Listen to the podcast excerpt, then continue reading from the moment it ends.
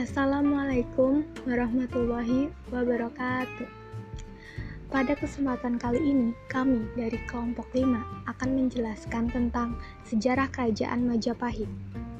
Seperti sistem pemerintahan dan sistem perekonomiannya bagaimana, sosial budaya dan pengaruh kerajaan terhadap kehidupan masyarakatnya itu seperti apa.